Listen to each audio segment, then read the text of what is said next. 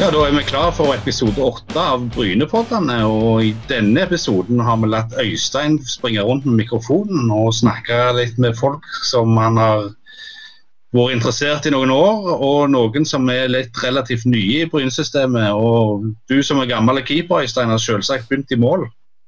Ja, jeg eh, begynte der. Det er der, det er der de viktige fotballspillerne er. Og eh, Jeg tok en prat med Bryne sin eh, damekeeper Iselin Rusdal Evje fra Hofsrad, og det var utrolig interessant. Og, og ei skikkelig dedikert og flink jente på fotballbanen. Og det, det som jeg syns var, var, var, kjekt å høre, det var hvordan hennes første år i Hofsrad var. Ja, Hofsherad er jo ikke en plass vi hører så veldig mye av, av, om i fotballsammenheng. Men vi har jo hatt en spiller før i Bryne som kommer derifra. Ja, han har jeg faktisk spilt mot. Jeg har jo spilt på Hofsrad mange ganger. og jeg, jeg, sa jo det til Celine at dere er jo galne der oppe, for, for der kommer hele bygda. og der når du kommer som gjest, så er du ikke, du er ikke så velkommen i de 90 minutter. Men, men, jeg regner med du tenker på Magnus Flatastøl. Det var jo en legende. Ja, det stemmer det. Eh, men eh, hun har jo òg en del innsikt i hvordan moderne kvinnekeepere får opplæring. og Roger Eskeland bl.a. har vært inne. men det er jo en annen verden enn det det var når eh, vi dekte kvinnefotball for en 12-13 år siden. Ja, det, det, var, det, var, rett og slett helt utrolig å se. Nå var jo Roger god med beina, og jeg ser jo Iselin og vet ikke hvor, hvor mye han har, har, med det å gjøre, men Iselin er jo fantastisk god med, med beina når hun setter i gang og sitter noen treninger. og det, det imponerte meg rett og slett vanvittig hvor gode de var. Og det, altså, det er jo tross alt nivå eh, tre på damesida, men, men, det nivået de holdt på den eh, teknikken, det var imponerende. Og så har vi snakket med kar som kom eh, rett fra nivå fire til gamle førstedivisjon, som i dag er Eliteserien. Eh, du har rett og slett snakket med Geir Giljahus. Ja, det var, det var, mest Jeg vet ikke hvem det var størst for, jeg, han eller meg. Men, men det er en, en, spiller jeg husker fra, fra barndommen. og jeg, jeg, vet ikke hvorfor jeg husker han, men, men, men det, det, er nok litt med det at han var mye skada. Så jeg tipper han var litt sånn røff spiller, men, han kom jo ifra Voss. Eh, fra nivå fire og rett inn til toppfotball. Og han sa jo det, han, han, forteller jo litt om, om det når han kom der, og Økland satt der, og disse store stjernene. og han, han, han han ble jo mest litt starstruck, så, så det, var, det, var, stort for han å komme til Bryne. Men han kom jo inn og leverer mest fra dag én. Ja, det er jo veldig interessant eh, som vi skal høre hvordan det gikk med Bryne. For han skulle jo bare egentlig innom ei uke før han skulle ned til Tyskland og begynne på arkitektstudiet. Ja, det er liksom å spille toppfotball med Bryne og gå på arkitektstudiet er jo ganske langt ifra hverandre. Så det, det, var, var i grunnen uh, helt surrealistisk for han når han forteller. Så, så det, det, var interessant å høre. Så var det òg litt kjekt å høre at det var Rune Hauge, så òg en vossing, så henta han. Så det er mye god historie i denne, denne podkasten i dag. Ja, det er veldig mye god historie i denne podkasten, og også litt tragedier, selvsagt. Da tenker jeg selvfølgelig på sesongen 1988, etter den store jubelsesongen i 87. Ja, Han forteller jo at de var jo gull, gullfavoritter i 88-sesongen, og at det ender med nedrykk er jo helt utrolig. Det, det han òg forteller litt sånn eh, at det var litt spilleropprør, litt treneravganger, så fortsetter de og sånn. Så det var en del ting som jeg ikke var klar over, så, så, så Giljar hun snakker om nå 32 år etterpå, blir det vel? Ja, det ble jo noe sånt. Men en ting jeg husker faktisk 32 år etterpå, det er jo dette sorpeholdet som han snakker om, som vi kommer tilbake til straks. Ja, som vi snakket om litt tidligere, så skulle vi få besøk av en eh, keeper. Og Iselin Evje Rusdal, du er jo eh, keeper på Bryne sitt damelag. og Oppvokst i storbyen på Hofsrad. Velkommen. Takk, takk. Du må fortelle litt om, om, om din karriere som ung jente på, på Hofsrad. Eller er det på eller i Hofsrad? Vi sier i Hofsrad. I Hofsrad, ja. Når ja. begynte du med fotball? Jeg begynte når jeg var fem-seks år gammel. Uh, spilte på ja, miniputter med blanding både jenter og gutter, og holdt på, holdt på, noen år der. Og etter hvert så gikk vi over til rent jentelag uh, og slo oss etter hvert sammen med Hesjestad for å kunne spille elver. Så det, det er litt av den karrieren der. Men var det plass til Er det så mange som elleve som bor der, da? Ja, der er, der er over elleve, men vi var ikke elleve jenter som kunne spille, så det var derfor vi måtte slå oss sammen med Hesjestad, så vi kunne, kunne spille elverfotball. Men hvordan var den tida der? Var det mye foreldretrener, eller var, ble dere godt fulgt opp som jenter? Ja, ble det var en del foreldretrenere, og vi ble godt fulgt opp, og ingen problem med det. Og vi ble jo på en måte satsa på litt, og når det først ble elverfotball, og vi slo oss sammen med Hesjestad, da, så viste det jo at de ville, ville kjøre på. Hvordan gikk eh, veien videre for din del? Eh, når jeg var ferdig i Hofstra, så gikk jeg over til Moin og begynte på ungdomsskolen der, og spilte vel eh, tre år. Til 2013 så gikk jeg eh, til Klepp da når jeg skulle begynne på, på videregående. Ja, hvordan var den overgangen fra, fra Hofsrad og på en måte rundt ørene, og, og du ble godt tatt med og fikk sikkert eh, kjøttkake til middag og gå for Klepp, eh, som er en toppklubb. Hvordan var den overgangen?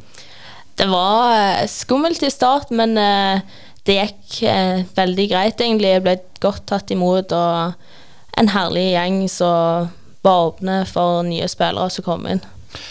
Men det var vel, du var vel stort sett innom juniorlaget de tidene der, og, og du var der noen sesonger, men fikk du noen A-kamper? Eh, det stemmer, jeg var for det meste innom eh, juniorlaget der, og jeg har ikke spilt noen A-kamper der utenom eh, kanskje noen på et par eh, treningskamper. Det, det er det som jeg har på Klepp. Men, men allikevel så er det jo noen høydepunkt. Ja, absolutt. Det er, er en del høydepunkt med Klepp. Der er det. Som Jeg var med og vant eh, NM eh, i 2016, og så har vi vunnet Dana Cup med Klepp, og så vant vi sølv på Gotia Cup, da. er det noe, Har du vært med og bidratt? Selvfølgelig har du bidratt når du har vært keeper, men er det noe som du har liksom vært og føler sjøl at eh, ja, der gjorde jeg en god jobb? Eh, ja, jeg husker jo eh, godt eh, kvartfinalen vi spilte mot Lyn, og de gikk ut i straffekonk der, og vi gikk over fem straffer og tenkte nå, nå Hvis jeg ikke redder nå, så hvor skal dette gå? Så jeg klarte å redde en straffe der, og da vant vi. Så var, da var det stor jubel. Hva føler du sjøl er din styrke som keeper? Eh, jeg føler sjøl jeg er bra fotarbeid, eh, god én mot én og kommunikasjon med forsvaret mitt og resten av, av laget. Jeg har jo også sett noen treninger, og det som jeg, jeg har bedt merke til, det er jo at du er et utrolig godt fotarbeid. og det er det noe du har fokusert mye på? Eh, både òg, men jeg har alltid blitt fortalt det at fotarbeid er en viktig del av det å være keeper. og og bli mer og mer eh, viktig for å være en, ei brikke offensivt med i laget. da, Kunne sette i gang spillet og ta de gode pasningene og valgene. da. Eh, Nå har jo jeg spilt eh, i mål, og du, du liksom fikk høre det med keeperhjerne. Er det noe som fortsatt eksisterer? Eh, ja, jeg vil si det. er det noen gode historier der, eller? Eh, nei, ikke så mange, mange å ta, men eh, keeperhjerne, det, det er veldig viktig, og du tenker ofte litt annerledes enn utespillerne, for å si det sånn. Og du har jo hele banen å se, så en kan jo fort bli litt irritert når de, når de ikke spiller der du tenkte at det kunne vært bedre at du spilte. Ja, jeg pleier jo å si det, Hadde jeg hatt gode medspillere, så hadde, så hadde jo jeg òg vunnet noe. Helt riktig. men men eh, du, du var jo fra Klepp til du var Eller til 2016, og så um, ser jeg at det er et opphold her på, på eh, statistikken på Fotballforbundet. 2017, hva, hva gjorde du da? Eh, da var jeg eh, inne i militæret, men eh, jeg, har spilt på Bryne da, så det at, eh, at det er et opphold i statistikken, det stemmer nok ikke helt. Men da var jeg inne i militæret. Uh, det er klart Vi som er litt sånn gammeldags eh, jenter i militæret, er det, er det mer um, Er det vanlig? Eh, ja, eh, jeg er 97-modell, og det året jeg var så 97-modellene, det at det ble allmenn vernepliktig, så da må alle inn, jenter og gutter. Eh, Men i 2018 så var det uh, iallfall statistikken på, på Bryne. Der er du 25 20 kamper og etablerte deg vel som førstekeeper ganske kjapt. Ja, jeg gjorde det. Hvordan, var, hvordan er det å være en, en førstekeeper? Eh, det er jo litt press på deg, eh, både fra at du må gjøre gode trener, eh, treninger og holde på, og så kommer det jo alltid nye utfordrere, så en må passe opp eh, for å holde på, det, på de gode Gode Holdt jeg på å si Um, holde de litt på avstand? Ja, og så må du holde ved like det, det du kan best sjøl, holdt på å si. Det du er god på. Mm. Har dere keepertrener? Eh, vi har en som heter Sirvan, som fungerer som keepertrener. Eh, kunne, kunne, du ønske at det var en eh, Ikke noe snakke stygt om han, men en, en, på en måte en, en meritterte keepertrener? Nå ble jo Thomas Solberg keepertrener i klubben fra august av. Er det noe som dere ville kunne du tenkt deg å, å bruke han?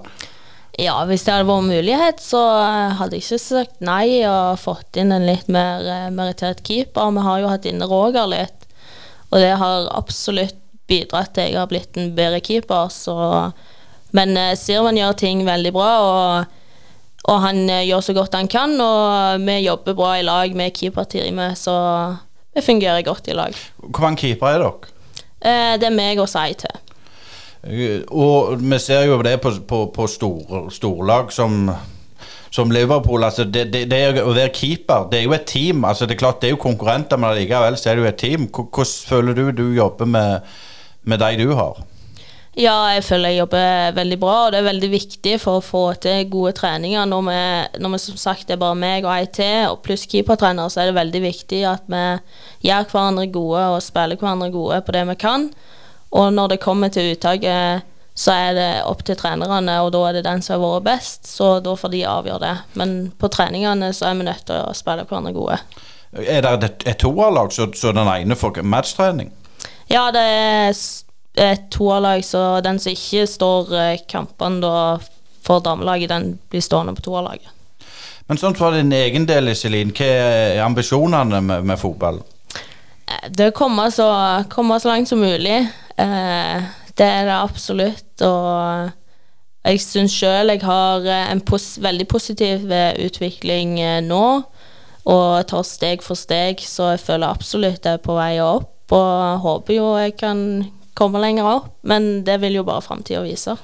Er det å komme tilbake til Klepp en ønske og en drøm du har? Det får vi se litt på.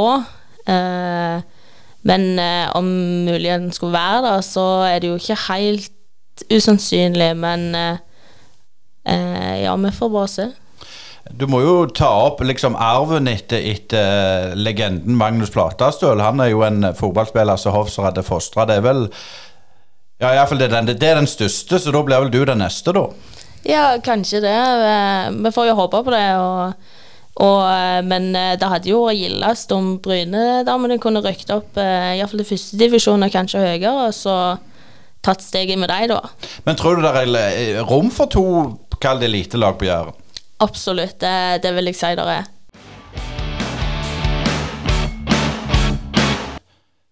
Ja, som sagt i innledninga så skulle vi rett og slett få snakke med en cupmester fra, fra Voss. Det er jo ikke så mange av dem. Og Geir Giljarhus, det var, det var, ikke så lett å få tak i deg, men, men nå er du der?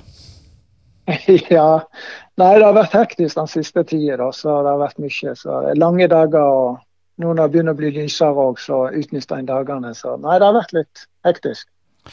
Vi må jo snakke litt om, om den Bryne-karrieren. For, for jeg, du, jo, du, er jo fra Voss, og der bor du i dag. og Hvordan, hvordan kom du til Bryne, og når snakker vi om? Vi snakker vel tidlig 80-tall? Ja, det var 84. Da var det kontakten ble tatt. og Det var noe litt tilfeldig at, eh, at, eh, Jeg tror ikke det var mange på Bryne som visste om meg i klubben. og sånt, Men, men det var noe Rune Hauge da, som var kommet i klubben som ja, Hva var han for noe? Markedssjef eller noe sånt? Og han kom jo fra Tyskland i 83, tror jeg, fra Nürnberg. Og han er jo vossing. Så han ville jo ha litt kontakt med, med Voss da, og om det var noen spillere her oppe. Så, så vi kom ned da etter sesongen i 84 og var med og trente med Bryne da i ei uke. så sånn var begynnelsen. Så, så fikk jeg, Det var nok Kent Karlsson da, som var trener der nede. Så, så fikk jeg kontrakt da, ja. Men det var veldig tilfeldig, tror jeg. Så jeg tror ikke jeg var på blokket der nede. Men Hvordan var, hvordan var Bryne-miljøet i den tida? Var det 100 profesjonelt? Fikk, alt på seg, fikk du lønn da når du kom? Ja, ja, det var vel Altså for meg, da, som kommer fra Voss og uh, fjerdedivisjon uh, på den tida, og å komme ned der, så, så, var jo det veldig profesjonelt for meg. Og jeg tror òg at det, sånn nasjonalt så var Bryne en av det, var, det ble jo kalt mønsterbruket på Jæren. Så jeg tror det var alltid modell for, for flere toppklubber. og så det, det, ble drevet veldig godt, syns jeg, da når jeg kom ned der. da. Veldig profesjonelt. Eh, så hele støtteapparatet var lagt opp. Og det, spillere som kom utenfra, var jo ofte unge spillere. og Det ble tatt hånd om eh, alt dette med å bo og utdanning og militære. og Alt dette ble fulgt opp veldig sånn profesjonelt, syns jeg da. Hvor mye tror du Rune Hauge hadde med sånne ting å gjøre? Det veit jeg. Jeg kom jo inn litt Han var nå før meg, men han eh, Jeg tror nok at klubben hadde en veldig god organisasjon før han kom. Da, men uh, han var jo uh, et arbeidsjern og hadde sikkert mye å bidra med når han kom der. Og, ikke minst økonomisk da, på driften og sånn. Så jeg tror budsjettet fra, fra, årene før han kom og til ett år etter han var der, så var det mangedobla budsjettet. Altså. Og det var vel sikkert òg med å bidra til at en kunne drive veldig profesjonelt. Nei, for du, du kom i 84, og fra, fra 85 så, så var, var, du en del av troppen. Fikk du spille sånn umiddelbart, eller var det sånn at du måtte inn gjennom en, på en måte en, en, jeg skulle si en prøvelse for å vise at du var god nok? Ja, jeg tror nok eh, Gabriel skrev Hoksane litt sånn eh, den første tida, da vinteren eh, fra januar 85 og utover. litt sånn, Så var jo det sånn Bryneposten eller et eller annet som ble skrevet litt i. og Det var vel en fire-fem spillere som kom den sesongen. Hugo Hansen og Jan Madsen, jeg og Pål Fjelstad kom tilbake. Han hadde vel hatt en periode før. Lars Gaute Bø kom vel òg det året. Så var det vi som kom det året. Så eh, jeg tror nok det at eh, jeg var tenkt litt som, som utfylling i stallen og litt sånt. da. Og Gabriel hadde skrevet noe litt om dette her. Eh, at ja, stallen ble god. Og, men jeg spilte faktisk første seriekampen da, det året. og etter det så spilte vi vel litt sånn halvveis inn på laget iallfall. Og jeg, det er klart, det var jo litt stort for meg òg på den tida å komme ned der og så sitte i bilen og kjøre ut til Vik på trening om vinteren. Og så satt du lag med en to-tre landslagsspillere i bilen og litt sånn. Så det er klart du følte liksom at det, det var det påvirka det litt. Grann, da, så Jeg følte jo det at det var kommet en, en god klubb, og litt sant, da, men, eh, og følte jo òg å være innstilt på å, å jobbe og, og, ta den tida en trengte. litt sånn. Da. Um, men jeg kom inn på laget ganske fort. Spilte i Hokse, spilte første seriekampen. Der var vel litt tilfeldig. Jeg var vel ikke tenkt det. da. Jeg mener jeg spilte en en, en, jeg vet ikke hva det heter på den tid, B-lag eller, eller andrelag eller noe sånt. Hadde kamp dagen før eller to dager før første seriekampen, og den spilte jeg òg. Så det var nok ikke tenkt at jeg skulle starte første seriekampen, men uh, det må ha vært noen skader eller noe sånt som så, så gjorde at jeg måtte starte. Husker du hvem det, det, så, hvem det var mot?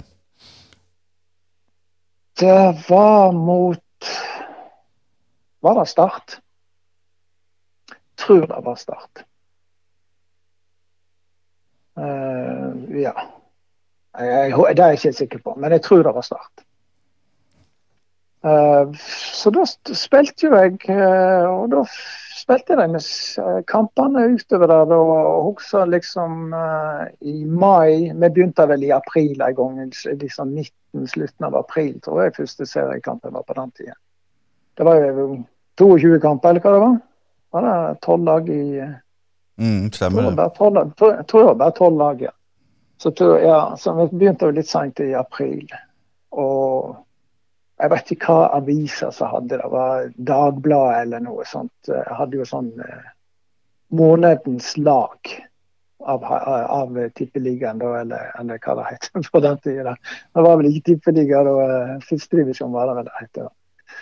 Så, og da var jeg faktisk at, uh, kom med på den månedens lag da, for, for, ja, for uh, førstedivisjon. Og det var jo og det var jo stort for meg, husker jeg. Jeg, jeg har jo klippet det ut, så jeg har jo litt sånn utklipp, men jeg har jo ikke sett på det i ettertid. Men det skal ligge i eska en eller annen plass, hvis det ikke den har forsvunnet. Men, så, men det, var, det er litt sånne minner en har da, for den første tida. For da var det liksom en stor overgang for meg òg.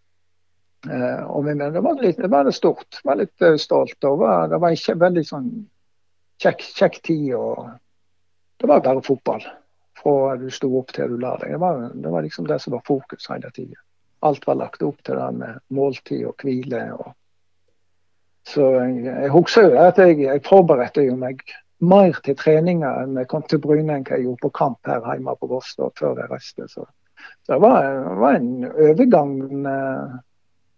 Det var jo, jeg tok jo den overgangen, da følte jeg. Og det, det tror jeg andre òg så at, eh, at det det var et, jeg, jeg, klarte å ta det steget, liksom. Da følte jeg. Hvis du, hvis du går litt over til, til 6, altså 86-sesongen, sesongen etterpå, og, og, hvordan var det? Følte du at du, du, du klarte å bli bedre og bedre og ble tryggere og tryggere i, i miljøet? Ja, og det var, gikk veldig fort. Eh, for det var et eh, veldig sånn Jeg følte det var veldig sånn jordnært eh, miljø.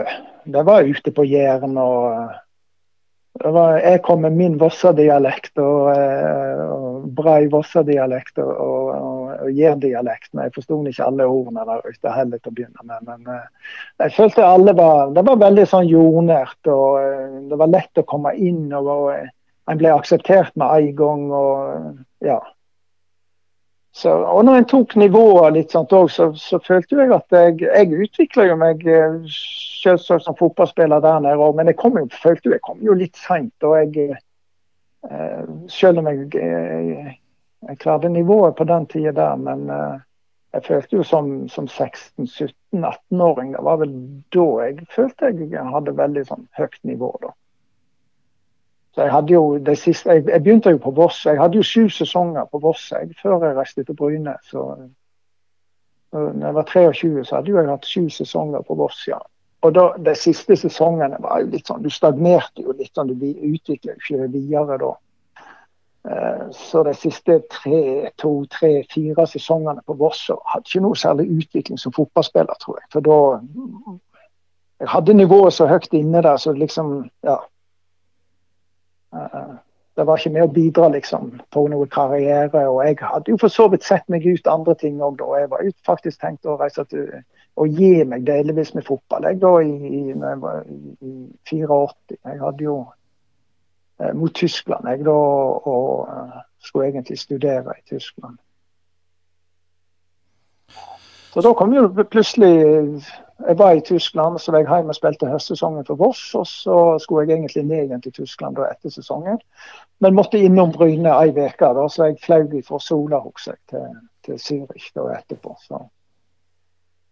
Eh, så det var en sånn en liten eh, via Bryne, og der, der enda jo jeg opp. Da. Så det, det, snudde jo opp veldig mye på hva planene var akkurat på den tida. Eh, så må vi jo selvfølgelig komme innom den, den 87-sesongen. Hvordan var det mm, å, å, være med på en sånn reise? Mm, Nei, for meg så var jo hei, altså, egentlig alle årene der var jo ei reise. Altså, så, men 87 var jo selvfølgelig litt spesiell med at vi ble cupmestere. Det er jo klart, da.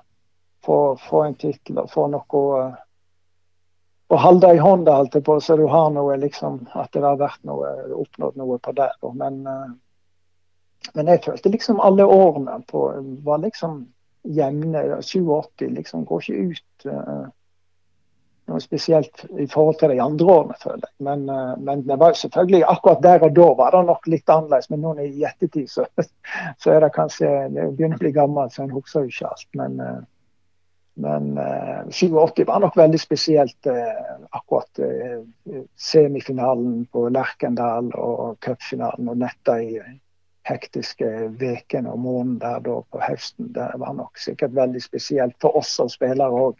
Vi følte nok og kjente trykket og stemningen i lokalmiljøet. og Det var det første gangen Bryne var i semifinalen, så det var jo noe enormt når vi kom tilbake fra Lerkendal Eh, på Brynetorget og i, i, ja, i gaten og alt der, der folk tok imot oss som om vi allerede hadde vunnet cupfinalen. For det var enormt med folk der da etter semifinalen òg, så det var nok eh, når en, når en, begynner å snakke om det, så kommer jo det litt fram ting her nå. Da, så det er klart, det var, det var nok eh, Vi følte nok det, vi som spillere òg, at det var noe spesielt på gang der da, ja. Eh, spilte du den semifinalen? Fortell litt om, om folk som ikke vet hvordan, dette gikk til. Ja, semifinalen spilte jeg på, på Lerkendal. Eh, altså, jeg var jo, det er klart, Du, du er, er, jo litt skada når du driver med, med toppidretten. og Uh, og jeg var jo ikke skåna for det heller, så jeg hadde jo mine skadeperioder når jeg var i Bryne. Og jeg vet jeg sleit veldig med et kne i den perioden i, i 87, så jeg vet jeg var til Oslo på noen undersøkelser, og det hangla litt med kneet utover høsten. og Spilte jo en, en, del kamper, men jeg vet jeg prøvde å hvile litt da, før cupfinalen. Iallfall at den skulle være noenlunde fysisk pigg da. Uh, Lerkendal der var, var, vel en veldig spesiell uh, opplevelse. Vi lå under 2-0 til pause. Eh, kampen ble eh, sendt på stadion over høyttaleranlegget, så jeg tror det var ganske mye folk på stadion på Bryne. Eh, og hørte direkte på radio eller noe. Det var kanskje sikkert J-radioen eller noe sånt som sendte det og, og hadde sending, ja. Og jeg har blitt fortalt at dette, det var mye folk på stadion. Og mange begynte jo å gå hjem da i pausen. Da, eh, da lå vi under 2-0, og ja, det gikk ikke denne gangen heller. Så. Men vi klarte å snu det i andre omgang. Skårte veldig tidlig. Paul Folkvord tror jeg eh, var veldig tidlig frampå der eh, i, i, begynnelsen av andre omgang. Og, og vi bytta to til og, og vant 3-2. Og når vi kom hjem igjen da om, om, kvelden til Bryne, så var det et fantastisk mottakelse og yrende liv i hele sentrum det var vel nesten større sjanse å bli, bli skada på, på Brynetorget enn hva det var i kampen eh, den gangen. Men, men, Så det var, det var semifinalen, ja. Jeg tenker bare litt sånn en, en, en beskjeden kar fra Voss å oppleve sånn eh, jeg, jeg, bare tenker hvordan klarte dere å på en måte mobilisere til en finale, da? For det er jo sånn at du får en grassat utladning, vil jeg tro. Ja, det tror jeg. Men, men når du er, midt oppi det, så, så, tror jeg eh, ingen har problemer med å, å, mobilisere til en cupfinale på Ullevål. Det var jo selvfølgelig uh, Det var jo ja, det, det, var mye media, og det var my, mye utenom, selvfølgelig. Og det var Vi skulle synge inn noe sang eller noe sånt. Og det var vel ingen som hadde sangstemmer av, av samtlige der. Så, men uh, Per Inge Torkelsen og den, den, gjengen der var med på dette her. Og det var mye styr, selvfølgelig. Og, men det var vel noe som en hadde lest med i, i flere sesonger. Da, og jeg var ikke den som var mest rutinert. Da. Du hadde jo eh, Arne var jo med, kom tilbake da på den tida og var med og, og, og var jo uh, ja, en, en, solid støttespiller for hele gruppa. Og, var han som en liten far for oss alle sammen. Kaptein var han og autoritet og hadde liksom det som skulle rundt rundt seg. Og, og, og, visste hva vi eh, måtte gjennom og gikk til og alt dette. Og det var, så, og det var jo mange spillere som hadde god erfaring på dette her. Så. Nei, var, jeg, jeg, kan aldri tenke meg at noen følte at de hadde problemer med å, å mobilisere til en cupfinale du får ikke så mange sjanser på det heller. Så, og, og, eh, og, som sagt, klubben drev veldig profesjonelt. Alt eh, støtteapparat, alt sammen var liksom eh, Syns det alt gikk bra på skinner og sånt. Og, så, så, nei, jeg, jeg, følte aldri at det var noe noen som sleit med at uh, han hadde opp, opplevd nok med, med semifinalen. Da var det, det var kun cupfinalen som talte. Og, og husker vi snakket mye om det før, og, før sesongen og i sesongen. at det, 87 det er en av de store målsettingene flere. Det var, liksom, ja, jeg skulle til cupfinalen. Skulle vinne cupfinalen. Merkelig nok så var det snakket om det før, men, eh, men på en sånn ikke saklig måte. Men altså, det var, vi hadde selvtilliten til det. og Bjørn Gulden også har snakket en god del om det her. Og, så det var liksom et mål det året der òg, altså, som, som, en del spillere hadde satt seg. Og, og det lykkes. ja, du kan si det. Og, og du, du, eh, du, ble jo benka til cupfinalen og kom inn i, i første ekstraomgang. Hvordan var det å på en måte ikke få, få starte? Nei, det var egentlig veldig skuffende. For det var jo noen liksom om høsten. Jeg spilte jo, spilte jo de fleste høstkampene der, men som sagt, jeg hadde jo et kne som skrangla. Og, og, eh, og, jeg sto vel over siste seriekamp iallfall før cupfinalen. Og da, da, var det 14 dager eller noe sånt til cupfinalen. Og det var jo hovedsakelig for å spare seg og bli toppfitter til, eh, til, til cupfinalen, og ikke hangle inn mot den, da. Så det var også jeg var, var veldig skuffende å ikke starte den, da. Når en hadde for så vidt hadde liksom plass på laget. Og, men, men uh, ja. Jeg tror det var, var, Der og da så var jeg uh, veldig skuffa. Det var jeg nok. Men fikk, er det sånn i den tida fikk noe forklaring hvorfor, eller var det bare sånn som de sier i England, you're out? Nei, altså de, de, de, detaljene husker jeg ikke så mye, men jeg tror ikke det var, jeg det var ikke noe sånn personlig samtale med meg og fikk noen forklaring. Noe sånt, det var ikke det. Og det var det for så vidt ikke behov for heller. altså Det står noe mellom en, en par spillere der. og, og det er klart, Jeg, jeg vet jo kvaliteten på dem òg, så Det er jo sånn som du aksepterer, men jeg følte jo at det selvsagt at det ikke var riktig, da. Det ja, ja. Men, det var, så, så, sånn er jo det. Men det må jo det være òg. Altså, sånn er det bare. Men, men hvordan var det, når du kom sånn, inn? Det, nei da, det var Jeg husker det var veldig kaldt, så jeg, jeg satt jo og frøs jævla lenge. og Eh, jeg hadde, jo, eh, jeg hadde jo egentlig ikke nok kamper heller jeg, på den tida. For jeg hadde bare spilt eh, kvartfinalen og semifinalen. Så jeg hadde vel egentlig bare to, to cupkamper. Jeg var skada om våren. og ja, Som sagt, det var dette kneet det året der. og Jeg ble jo operert var det året etterpå, eller, eller, ja, året etterpå så hadde jo en stor kneoperasjon da. Uh, så jeg, jeg, mener jeg liksom satt og tenkte helt på slutten av, av ordinærtid at uh, banken òg, altså. Hvis skårer vi nå, så, så blir jo ikke jeg, jeg tror ikke jeg hadde blitt cupmester i to kamper.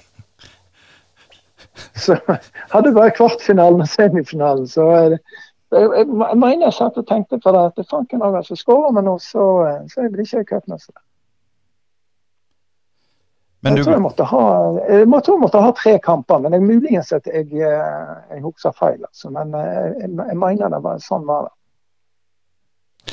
Når du kom inn der, husker du hvem du bytta med? Uh, pop, pop. Nei Jeg vet ikke. Var det Bjørn Gulden, eller?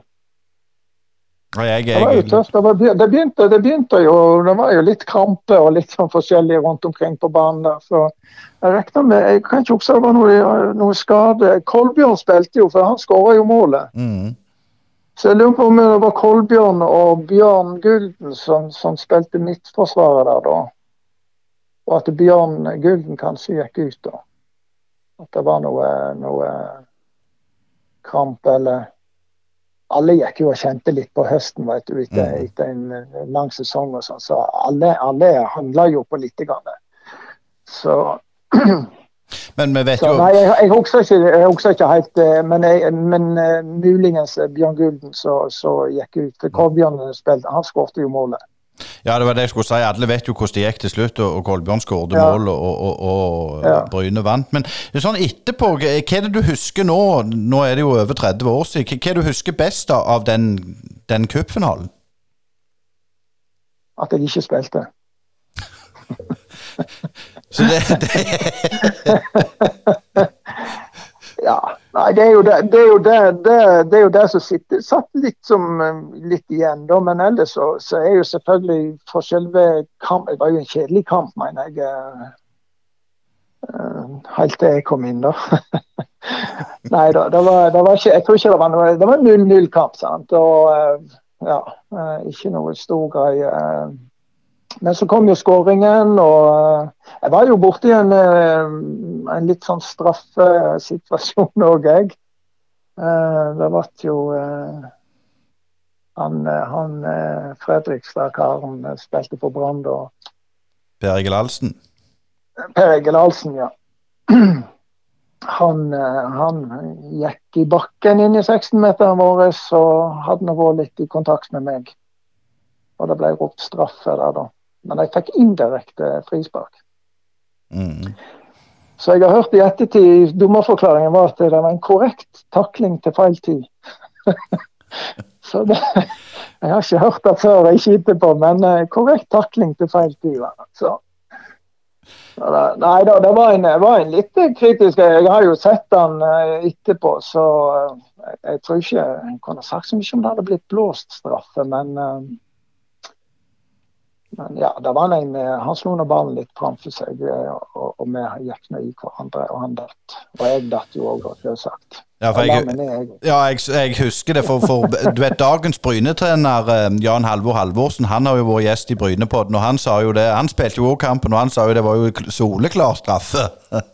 Nei, nei, det, det, var, det, det, det var ikke noe straffe. Jeg har aldri innrømt det. det, det Svein Inge Time snakket med i garderoben etterpå. Eh, Han, han skrev for Stavanger Aftenblad. Og han, han sa at det der er ikke noe straffe, sa han. Det er mannfolksport, dette her. Og Det må en huske på. Det er mannfolksport, så jeg må tåle litt. Nei, Jeg så et bilde i, i Dagbladet faktisk, som hadde fått knipsått akkurat når vi kom imot hverandre. Og da, Der er det skulder mot skulder, men vi hadde jo ikke akkurat samme retningen. da. Så Vi snudde vel oss litt, sånn at vi møttes skulder til skulder. Så, så, nei, det var korrekt takling, men litt feil tid. Ballen var vekke. Men, men hvordan var det når dere kom til, kom til Jæren igjen og Bryne etter, etter dere hadde vunnet? Hu- hu- Husker du noe av det? Det, det, det, det, det kokte Ja da, jeg husker det. Det kokte, det kokte på Sola flyplass. Når vi landa og kom ut der, så var det fullt, eh, fullt på flyplassen. Det var kolonnekjøring til Bryne. Det var tjåka fullt på torget. Vi var jo på Rika Jæren der da eh, etterpå. Eh, på balkongen der og hele gatene, veien der nede. Og det var tjåka fullt med folk. og ja, fantastisk stemning. Helt ifra, ja, Det var jo hele, hele etterkampen, men, men når vi landa på Sola og ble tatt imot eh, av alle som ikke hadde vært innover til Oslo og, og kolonnekjøringer Det var vel eh, omtrent Første bilen var vel på Bryne omtrent når siste jeg kjørte ut fra Sola. så Det var skikkelig, eh, skikkelig kolonner der. og og et fantastisk stemning utover kvelden og, og, og tidlig natt der. Og, og det var vel en del spillere som, som nesten så solen komme opp igjen vel på morgenen, hvis det var sol på den tida. Men eh, det ble noe, det ble noe fælt. Eh, både av spillere og Bryne-folk og Jær-folk. Nei, det var, nei, det var fantastisk stemning der ute. Det er, den sitter i. Det er helt unikt.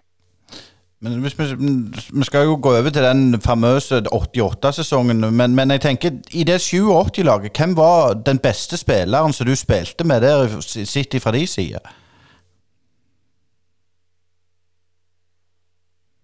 Ja, det Altså, Arne, Arne Larsen Økland uh, spilte jo i 87.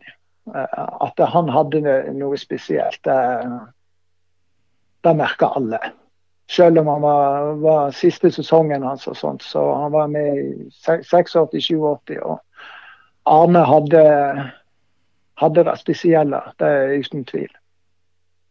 Ellers så var det, syns jeg eh, Det var liksom sånn jevn Jeg syns det var sånn jevnt stall. Altså, eh, men vi hadde jo mange eh, toppspillere. Eh, mange som var innom landslaget. Det var, var jo litt sånn forskjellig. OL-landslag og A-landslag. og så det, de fleste i stallen var vel omtrent innom der i et eller annet landslag. Mm. Uh, Nei, det var jeg, Det er vanskelig å framheve noen uh, Jan Madsen hadde med sine kvaliteter. Altså, alle hadde sine uh, godt ut, utfyllende kvaliteter på laget. Gabriel hadde jo gitt seg da, året før, men han òg hadde jo det spesielle. Mm. Steget og blikket og ja, fotballspiller tvert igjennom. Så, så, det var jo eh, en takknemlig kan du si, å komme ned der og lære å ha rollemodeller og, og, lære av folk. Så det er klart eh, Gabriel og Ponsirevåg, Sirevåg, eh, Asgeir Kleppa, alle disse her rutinerte spillerne som jeg kom ned av. og sånt, så, så, det var jo bare å suge til seg eh, det en kunne ifra det. Så disse unge fremadstormene som hadde hormonene i alle vinkler og, og uh, sto på Hugo Hansen uh, var jo veldig ung første året, vel. Jeg vet ikke om han var 18 en gang jeg, når han kom. 17? 17-18. Uh, kjempespiller og og kjempetype. Og, men det var liksom alle. Sant? Du hadde Paul Folkevold for Klepp.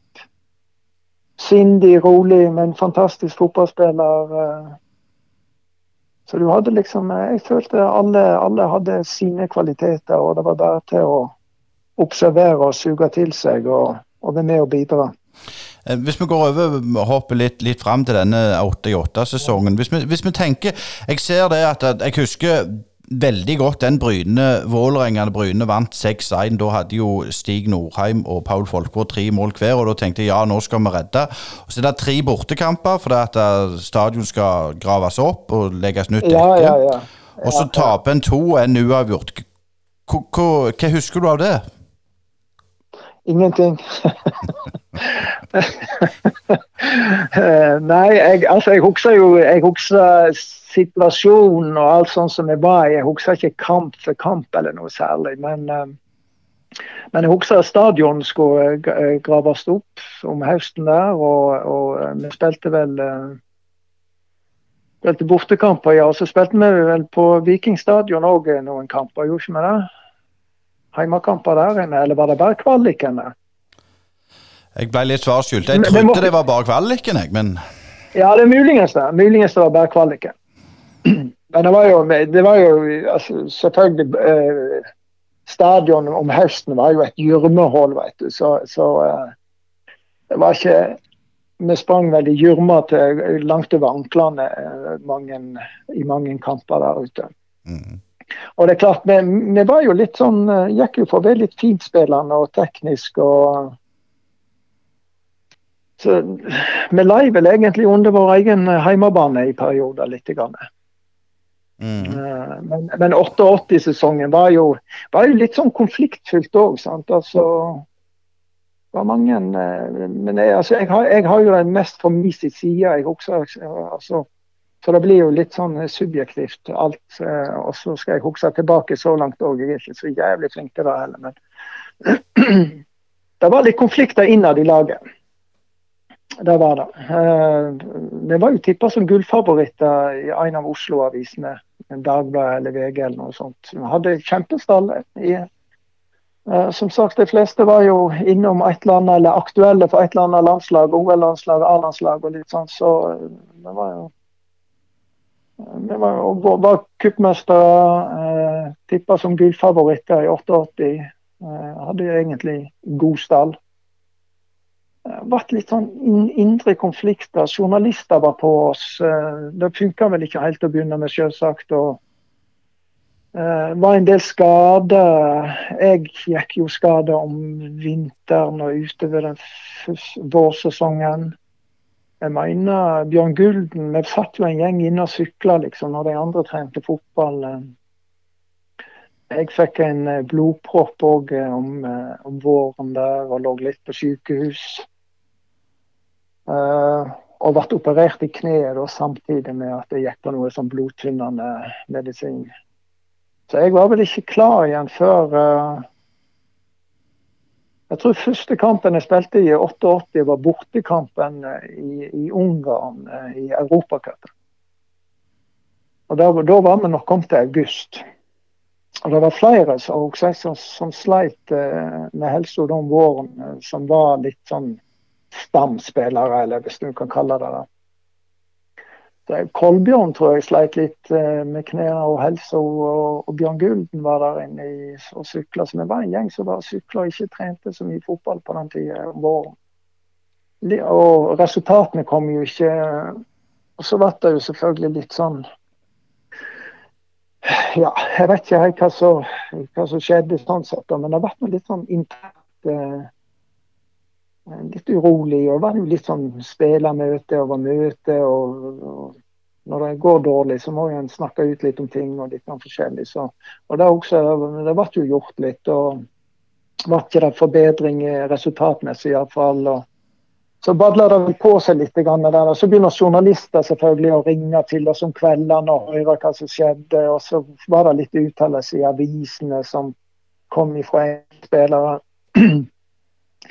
Så eh, det ble vel eh, var vel Kanskje klubben var vel litt overraska, spillerne var litt overraska. Så var tatt litt på senga der og eh, takla vel det ikke helt uh, ideelt, dette her. Utover sommeren så sa vel egentlig Vi fikk vel høre i Ungarn første gang at uh, Bjarne Berntsen hadde sagt opp stillingen sin da, som trener om sommeren. Eh, men skulle trene oss ut høsten, ut sesongen. Så Der ble det litt diskusjoner på innad i gruppa, husker jeg. Eh, noen mente jo at de, ville jo egentlig ikke trene under han da, når han hadde satt opp og, og, og litt sånt. Så, så, det var litt sånn, ja Jeg, jeg vet ikke om jeg husker alt riktig, sant? det er det første jeg må si. Men, men eh, disse tingene var, var iallfall oppe. og litt sånn, og Det var vel litt sånn òg med Prøvde seg fram med litt forskjellige kapteiner på laget det året. så Først var én kaptein, og så var det en ny kaptein. så Vi fant liksom ikke noe kaptein, tror jeg. Eller Bjarne fant liksom ikke noe kaptein i laget som samla gruppa og spillerne skikkelig. Og, så det har vært litt sånn Det ble litt feil 88. Ble det kanskje litt sånn, ja det var mer, mer eh, møte, diskusjoner og litt sånn utenomsportslig. Da masse forstyrrende, følte, føler jeg nå i ettertid, når jeg liksom prøver å analysere det litt. Så, mm. så det var en litt sånn rotete sesong, føler jeg. Eh, og litt sånn konflikt, småkonflikter iallfall. Og eh, innad i spillergruppa litt. Grann, og, og med støtteapparat og alt sammen. Så det var litt sånn nytt for mange, tror jeg. Og, og vi takla vel det tydeligvis litt dårlig. Og... Så det var litt sånn rotete sesong. Altså, det var ikke noe sånn bare at det, alt fungerte 100 men vi klarte bare ikke resultatene. Det var, det var mye utenomsportslig eh, som liksom i gangene og, og, og kviskring og snakking. og ting som vi snakket om og hadde spillermøte på kun spillerne. Så kunne du lese litt sånn halvveis referat fra Stavanger Aftenblad eller Rogalandsavis. Og da var det liksom hvem var kilden? Og det var litt sånn Det var litt uh, Ja, ikke, ikke, noe godt uh, arbeidsmiljø, for å si det sånn, den sesongen der. Men, det babla på seg mer og mer utover sesongen. Men nå var det vel sånn at en ikke rykte direkte ned, en måtte gjennom en kvalik for Nei da, så, så, vi kom jo tilbake noen spillere etter hvert òg, og, og, vi fikk vel litt resultater. Og, og, og et, så, fortalt i ettertid òg, så, så, så trekte jo Bjarne oppsigelsen sin. og Begynte liksom å gå litt bra. og Så var det tatt opp i styret om han fikk lov å å trekke oppsigelsen. og Da tror jeg det har vært styrevedtak på at eh, oppsigelsen gjaldt. Så, så det, var, det var det som sagt det var, det var litt eh, konfliktfylt år. da. Men vi rykte jo ikke direkte ned, det gjorde vi ikke. Og vi trodde jo hele tida at dette her eh, Det var jo litt utenkelig for oss. Som, som, og der var vel òg kanskje at en Jeg, jeg regner med vi tok alt alvorlig nok, og sånt, men at en trodde liksom at det skulle ordne seg. Men vi måtte ut i kvalik, da, og, og det klarte vi ikke med. Så, så da ble jo nedrykk. Og det var jo ikke sjokk, men det var jo en forferdelig nedtur for, for spillerne, da, selvfølgelig. Og for alle, for alle støtteapparatet og alle som bruker tid. Frivillige som bruker hele fritida si på Bryne og, og, alt der rundt det og sånt. Og, så det var, det var en skikkelig nedtur. Forferdelig nedtur. Det var det. altså. Men jeg, jeg, ser sånn for din egen del, slutta du i Bryne da etter, etter uke? Nei da, jeg, jeg, var med første året i ja, hva blir det da? Andredivisjon, eller? Hva kalte de det? Det var jo ikke tippeliga. Nei, Det var vel første andredivisjon, var det ikke det? Ja, første andredivisjon. Så vi rykte ned i andredivisjon. Så nei, jeg var med, jeg var med der da.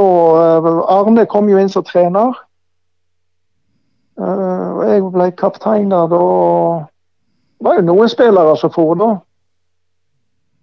Så det ble jo litt, litt, nytt. Litt nytt og litt ferskere lag, vel, egentlig. Jeg husker ikke alle som for der, da, men Hugo var vekk. Lars Gaute Bø havna vel inn i Viking. Mm. Leif Rune, var han inne i Viking òg? Var ikke han inne der òg en liten periode? Jo, han var nok det. Jan Madsen, Jan Madsen for vel òg da. Bjørn Gulden var vel ikke med. Men bare, bare avbryte litt. Var, var, var liksom mål, Ja. målet å, å rykke rett opp? Var det det som var, var Ja da, det var jo klart. Ja da, det var klart det. Det måtte vi ha. Eh, vi- altså Vi følte jo fortsatt at uh, laget var godt. Vi mista selvfølgelig en del spillere og fikk vel ikke erstatta det så rent sånn kvalitetsmessig mot det som for, men, men mm, det var såpass mange igjen, følte vi vel, ifra, fra 88 at uh, uh, vi skulle, skulle rette opp igjen. Og det er klart Når du var tippa som gullfavoritt i 88, så rykker du ned. Og du har jo selvfølgelig de kvaliteter i laget som, som en kanskje kunne prøve å få fram igjen, og, og hadde håp om å få, få fram igjen og kunne snu dette og komme rett opp igjen. Eh, jeg, husker, jeg, jeg, jeg gikk jo selvfølgelig skada halve sesongen der i eh, 89 òg. Jeg om våren eh, hadde en operasjon i ankelen og, var vel bare klar til høsten. Kanskje, ja. Jeg spilte ikke så veldig mange kamper den sesongen, da, selv om jeg var kaptein. Da, men, eh, så da, men etter den sesongen så ga jeg meg. Da jeg, jeg gikk jo inne på, på, på høgskolen inne på Ullandshaug og hadde egentlig avsluttende eksamen da i 90 om våren. og hadde hangla veldig mye de siste sesongene, 88-sesongen og 89-sesongen med en del operasjoner. og Uh, angrer jo selvfølgelig i ettertid på at jeg ga meg, for uh, jeg var jo ikke mer enn 29. Ja, ga du deg totalt med fotball da? Det var ikke noe boss eller Ja. noen ting? Nei, nei, jeg bodde jo på Bryne i fem år jeg etterpå. Så jeg var med i sportslig utvalg og litt sånt. Jeg var med litt rundt Rossaland. Uh, ja, jeg fanken, Bjørn, Bjørn Gulden trente jo Rossaland i 90. Men så reiste han, da, så, så overtok jeg for han der da. Så spilte jeg en par kamper for Rossaland, da, men jeg trente med dem da. Men så kom jeg inn i ungdomsavdelingen igjen da, og ble sånn uh, ungdomsleder for, i Bryne da. Uh, ja, Når var det? 91 eller noe sånt? 92? Mhm. Ja, så jeg var nå med i klubben, selvfølgelig, og i miljøet der. Og, og var nå var nå med i, rundt fotballen, ja. Eh, så, og så, eh, som sagt, så var det Aalbergsfotball og leker og moro da, selvfølgelig, eh, på planen. Og, og var med i klubben, ja. Som, så vet jeg jo det at det ble, det ble litt, litt, pizza på deg etter hvert og du flytta hjem. Fortell litt om, om, om, om den tida. Ja, eh, jeg holdt jo på å etablere meg liksom på Bryne. da, Jeg jobba jo der i fem år etter jeg ga meg. Fire-fem år etter jeg ga meg. Jeg tenkte egentlig å bygge hus der nede da.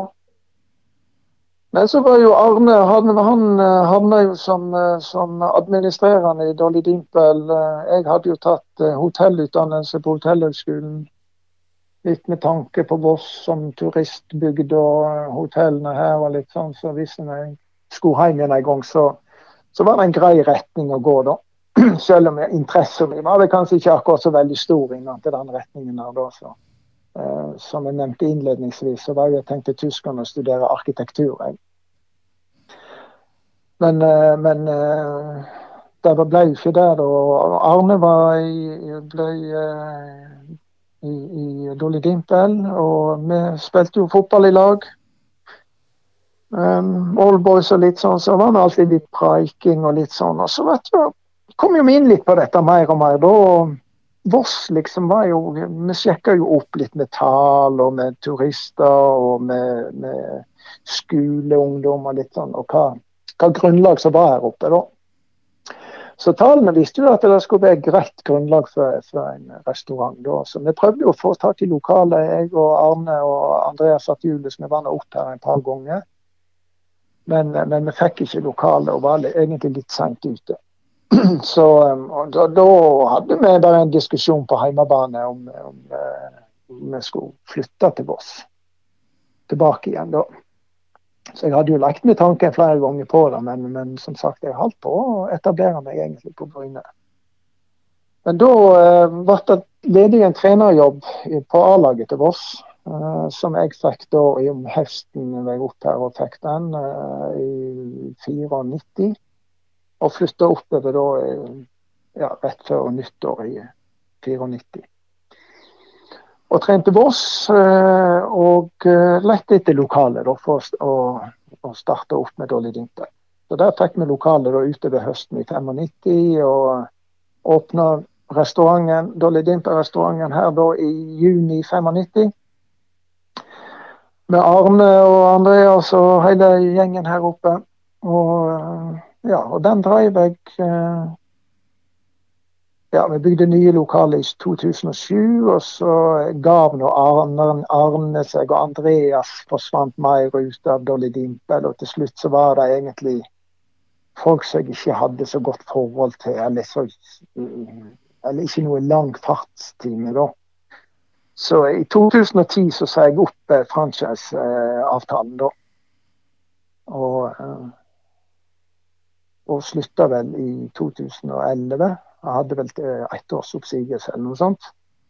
Så jeg drev vel igjen 15-16 eh, år eh, Dolly Dimpel her oppe. Og da ja, bygde det om til en fotballpub, da. Eh, lokalene der. Og hadde en annen pub òg her. Så jeg var med og bygde opp. Og ja, den fotballpuben drev jeg til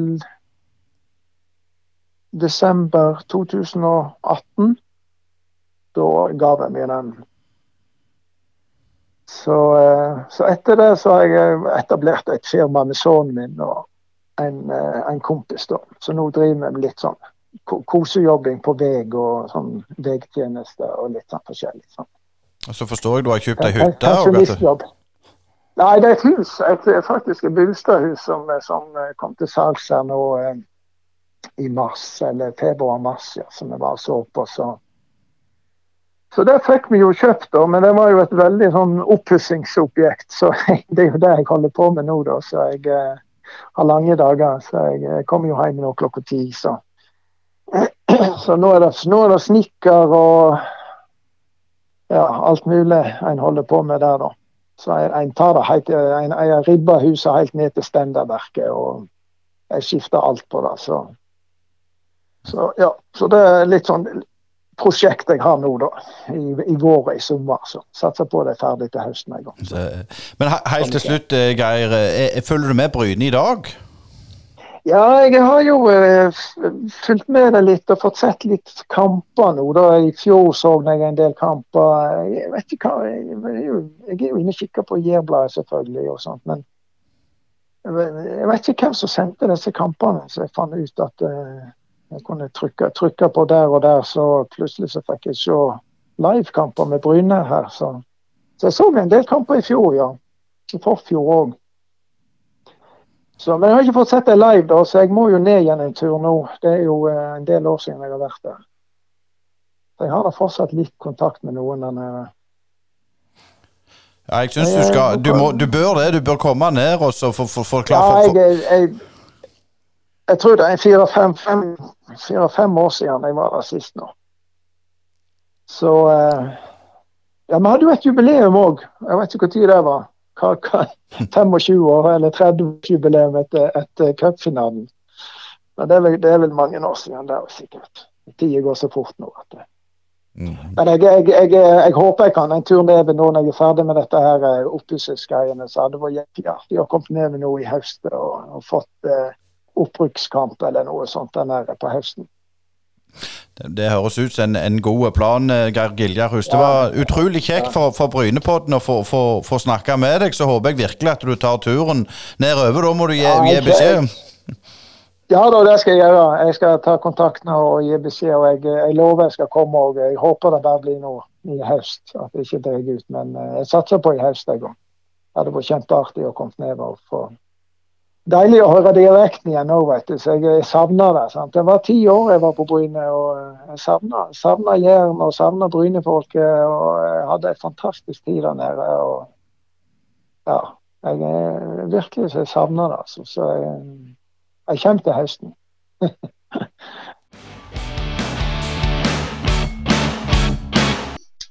Ja, da har vi fått ei spennende sending med Øystein bak mikrofonen. og hva tar du med deg fra intervjuet med Iselin? Nei, Jeg tar med meg at det jobbes godt på, på damesida, på, på keeperplass. Eh, de har jo to gode keepere der.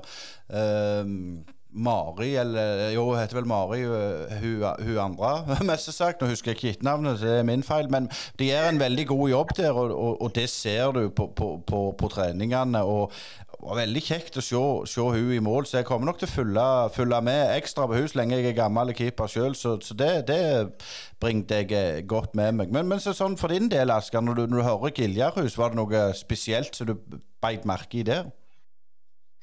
Ja, det, det, er jo mange ting. Altså, det, for det første kommer det jo mange minner tilbake. altså Ting du har glemt å skjøve ifra deg. Den 88-sesongen for min del er jo noe som jeg har mest eh, fortrengt. Eh, men, men det kommer tilbake glimt, og det er jo interessant å høre uh, hvem som uh, sto opp da i hans tid.